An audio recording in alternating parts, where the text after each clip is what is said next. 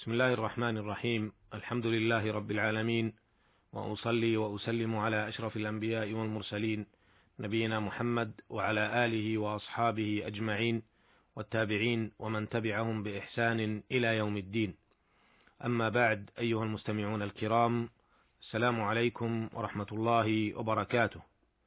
لا زلنا نتحدث عما رواه الشيخان رحمهما الله تعالى عن أبي موسى عبد الله بن قيس رضي الله عنه أن رسول الله صلى الله عليه وسلم بريء من الصالقة والحالقة والشاقة. وعن عبد الله بن مسعود رضي الله عنه عن النبي صلى الله عليه وسلم أنه قال ليس منا من ضرب الخدود وشق الجيوب ودعا بدعوى الجاهلية. فعرفنا في حلقتين سابقتين في وقفات أربع بعض ما يتصل بفوائد هذين الحديثين الجليلين.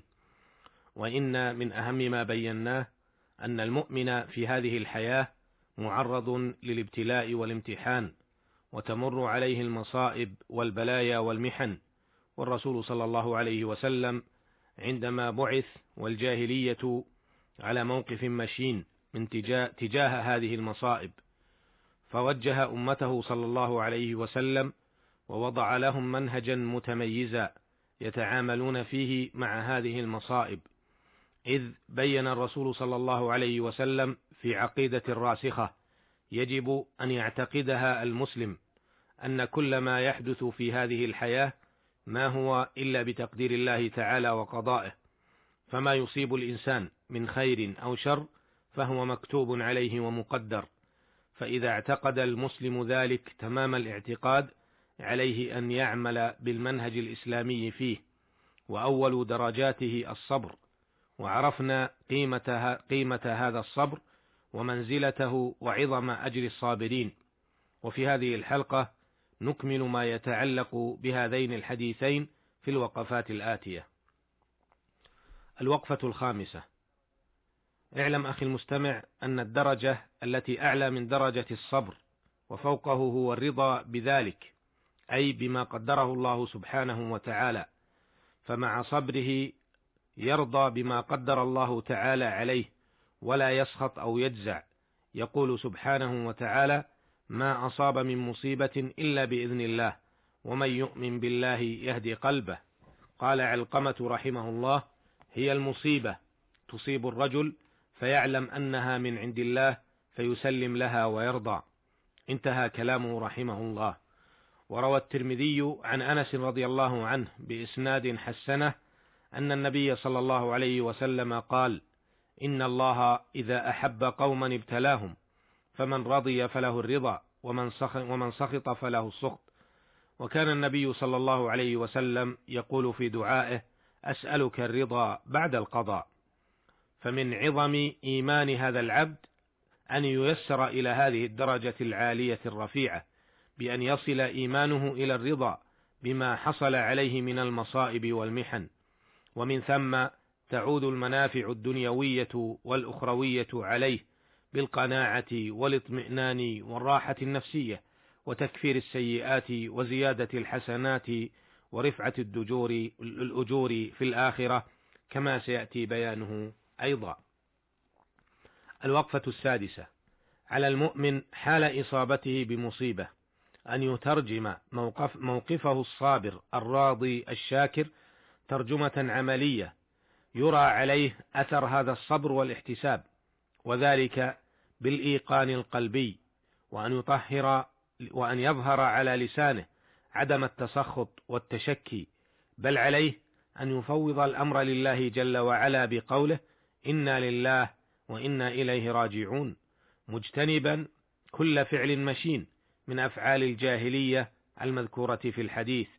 يقول سبحانه وتعالى ولنبلونكم بشيء من الخوف والجوع ونقص من الأموال والأنفس والثمرات وبشر الصابرين الذين إذا أصابتهم مصيبة قالوا إنا لله وإنا إليه راجعون.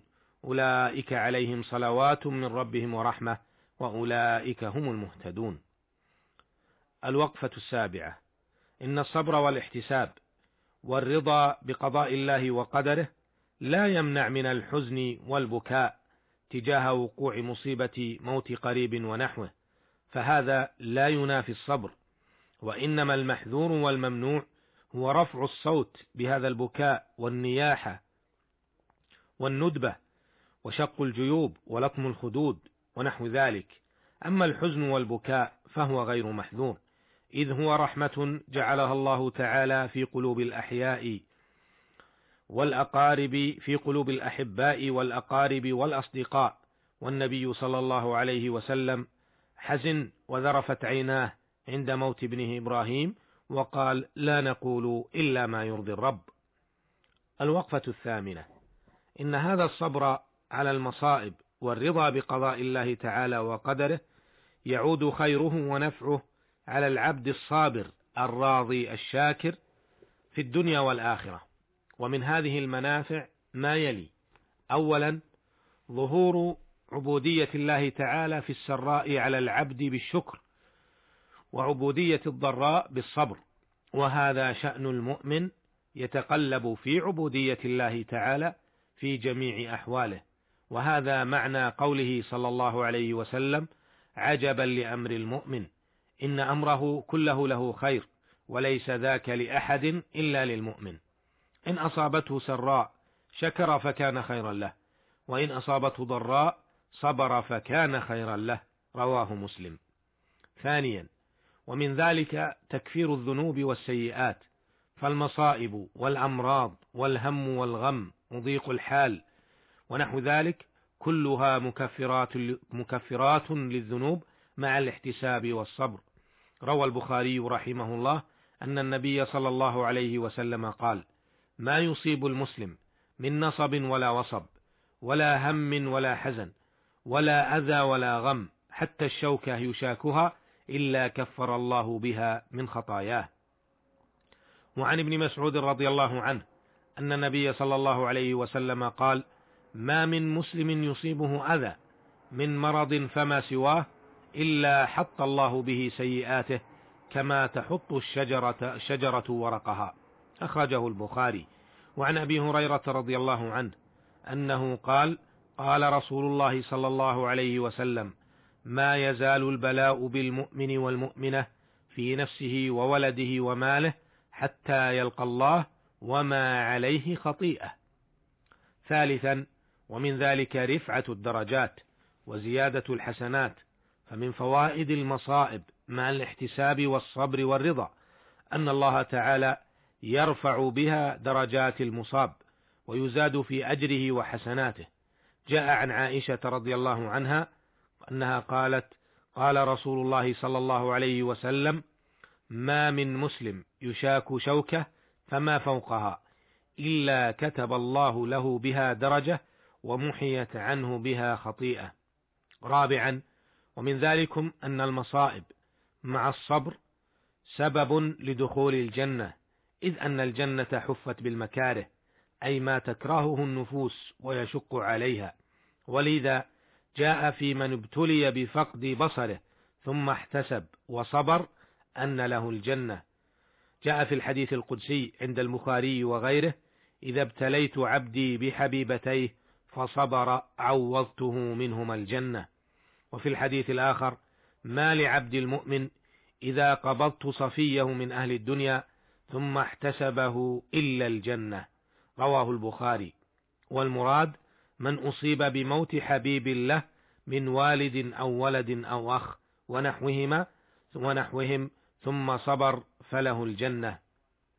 خامسا ومن فوائد الصبر النجاة من النار.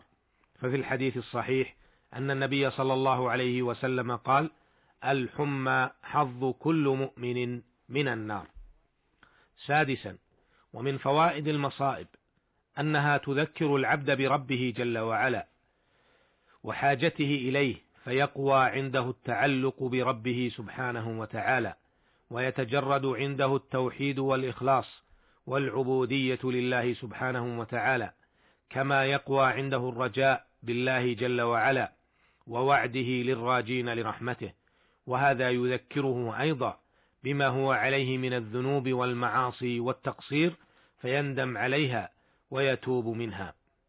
سابعا ومن فوائد الصبر أيضا ومن فوائد المصائب والصبر عليها تذكير العبد بنعم الله تعالى عليه فكم لله تعالى على عبده من نعم لا تعد ولا تحصى وإن تعدوا نعمة الله لا تحصوها.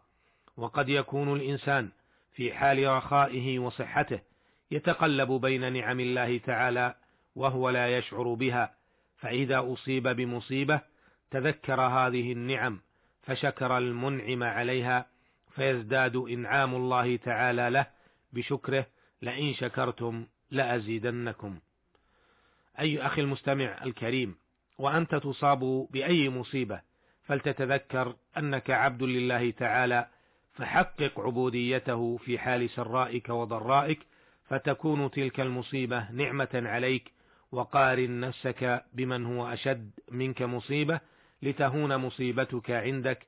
أسأل الله تعالى أن يرزقني وإياكم الصبر والرضا والشكر وأن يجعلنا من عباده الصابرين الراضين الشاكرين.